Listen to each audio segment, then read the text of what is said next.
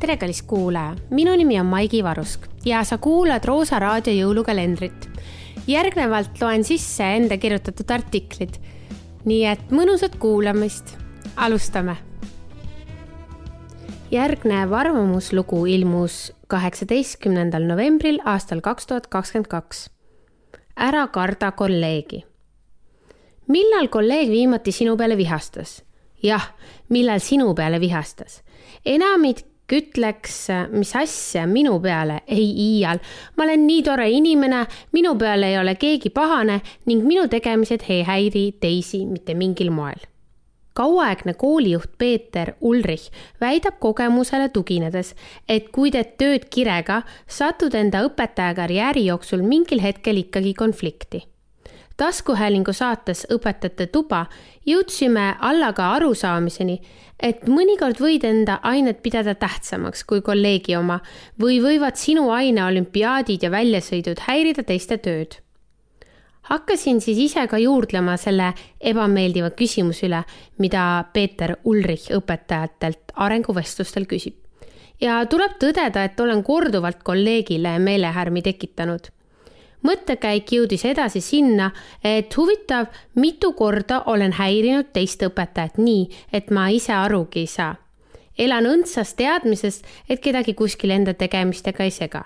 see on vist õnnistus, sest inimestega töötamisel on konfliktid kerged tulema. ja konflikt ei tähenda midagi halba, konflikt viib meid edasi. podcastis Mutmacher Schule väitis Saksamaa koolijuht Carsten Jansch, et talle meeldivad konfliktid enda kollektiivis. teritasin kõrvu ja muigasin endamisi, et on ikka peas soe juht. ja siis selgitas ta pikemalt, kuidas on näinud aastate jooksul, et uute toimivate lahendusteni on jõutud tänu vaadete ja arvamuste erisusele.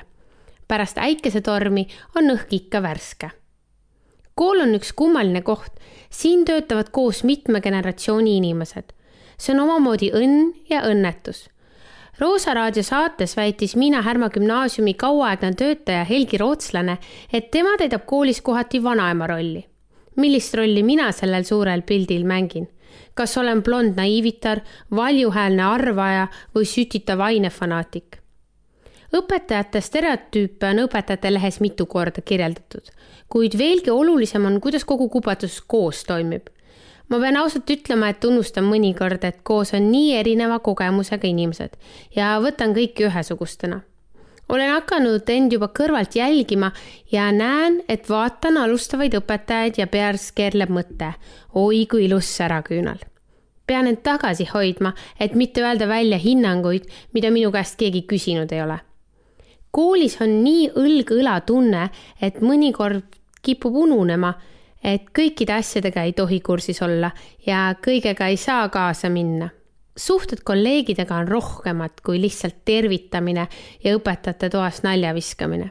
me oleme teineteisega nii seotud, et kui minu tunnile eelnenud tunnis oli kontrolltöö, siis õpilased on minu tunnis laetud ühtemoodi.